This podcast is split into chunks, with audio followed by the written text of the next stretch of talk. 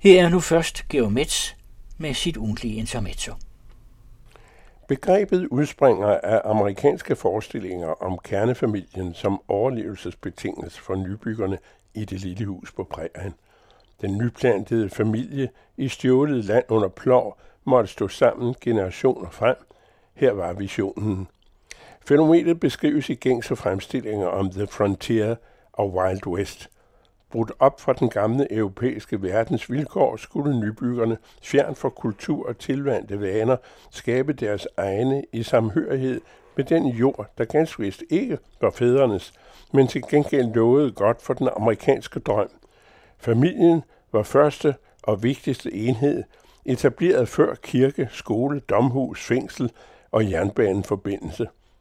Familieværdier og moralbegreber i spil var arbejdsomhed og sammenhold – gudsfrygt, ædruelighed og troskab, ordentlighed, ærlighed og hurtigt opdyrket patriotisme. Idealfamilien bestod af far og mor, de børn, der overlevede stramasserne, samt kvæget, hunden, hesten, og ikke at forglemme det opretstående klaver. Når dyrene var passet, samledes man om salmesang og aftensmad og på hovedet i sengen med hænderne over dynen. Kort sagt, værdierne. Oscar Wilde mente, at Amerika ikke blev opdaget, men afsløret.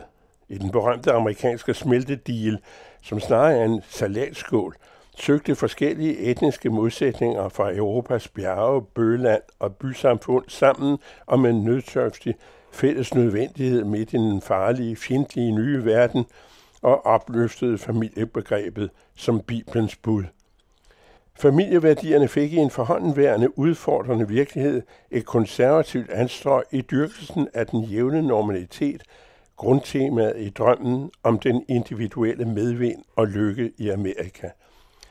Klikker man i dag på opslagene om family values, præsenteres på første billede den værdibaserede, velklædte familie på fire med obligat hund, fotograferet i solskin og smilende fremdrift i et højere middelklasse kvarter uden klimapanik. Hunden er gennemsnitlig loverne, dens familie i snor farvet, men ikke så det gør noget. Forældrene er i reproduktiv alder. At dømme efter syne kampform har de ikke brug for hjælpemidler. I Gudfaders navn kan familien udvides i tid og evighed. Familiebedet kender ingen knas i maskinen eller lurende forfald på de indre linjer. Værdierne defineres uden forsøg på at skjule de nævnte grundkonservative idealer samt varig ungdom, marineret i normalitet og penge. Her har Joe Biden måske sin største chance. Det mere tilregnelige konservative kontingent i USA påkrævede stemmer for at sikre fire år mere, frydes næppe over Trumps svimlende, uspiselige uhederlighed, flere tusinde procent kontrær alle familieværdier og værdier.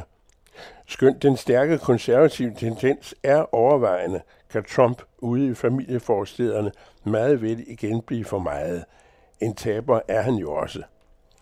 Hvad angår danske familieværdier, dem som Søren Pape Poulsen tydeligvis inspireret af det amerikanske forbillede, bortset fra retten til at eje våben, lægger så stor vægt på, nu som hovedsagen for de konservative genopstandelser af sejr, er emnet ikke en indlysende vindersag. De unge partigængere er ganske vist altid mere lodret konservative end moderpartiet. Men danske ungkonservative er vanskelige at se som lidenskabelige familiefortalere i en 2023-virkelighed, som meget anderledes fra en ældre norm, at Pape Poulsens ofte egenfortalte familieforhold synes traditionelle i forhold til konservativ ungdoms gennemsnit. Folk er gennemgående ret moderne i antrækket, uanset om de med Amerikas og Papes familieværdier hylder ejendomsret og kapitalisme. Derfor kan de jo godt have et kreativt kønsliv, lyve og bedrage med hævede skuldre, som Pape fraråder, samt presse ungerne til at flytte hjemmefra, før de fylder 16. Kan hende, at Pape også her rammer skiven skævt, at familieværdierne ikke står i pari, som de defineres fra en talerstol i Herning, og som den konservative leder ser som partiets fremtid.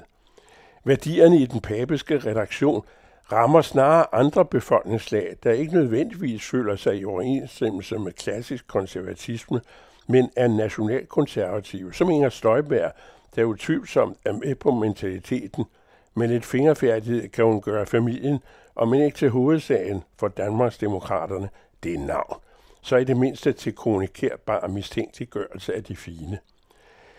Pape fik sagt, at man skal opføre sig ordentligt, elske mere og hjælpe flere, og man godt kan være social uden socialisme. Visdommen er mageløs. Men man kan godt være i familie med sin familie, uden at gøre tilstanden til et hækkeløb for dydstragoner, hvis stemmer alligevel ikke havner hos Pape. Ikke før han garanterer, at hans parti har andre, mindre noble, til gengæld mere atroværdige mål for de fleste konservative, der vil rende og hoppe i de sentimentale familieværdier. Den store værdifulde forskel til et rundforvirret venstre er på det grønne, som Liste C i den blå familie har værdimonopol på, og hvor det jo kun kan gå fremad. I hørte Geomets og hans faste klumme Intermezzo, der også kan læses i fredagsudgaven af Information.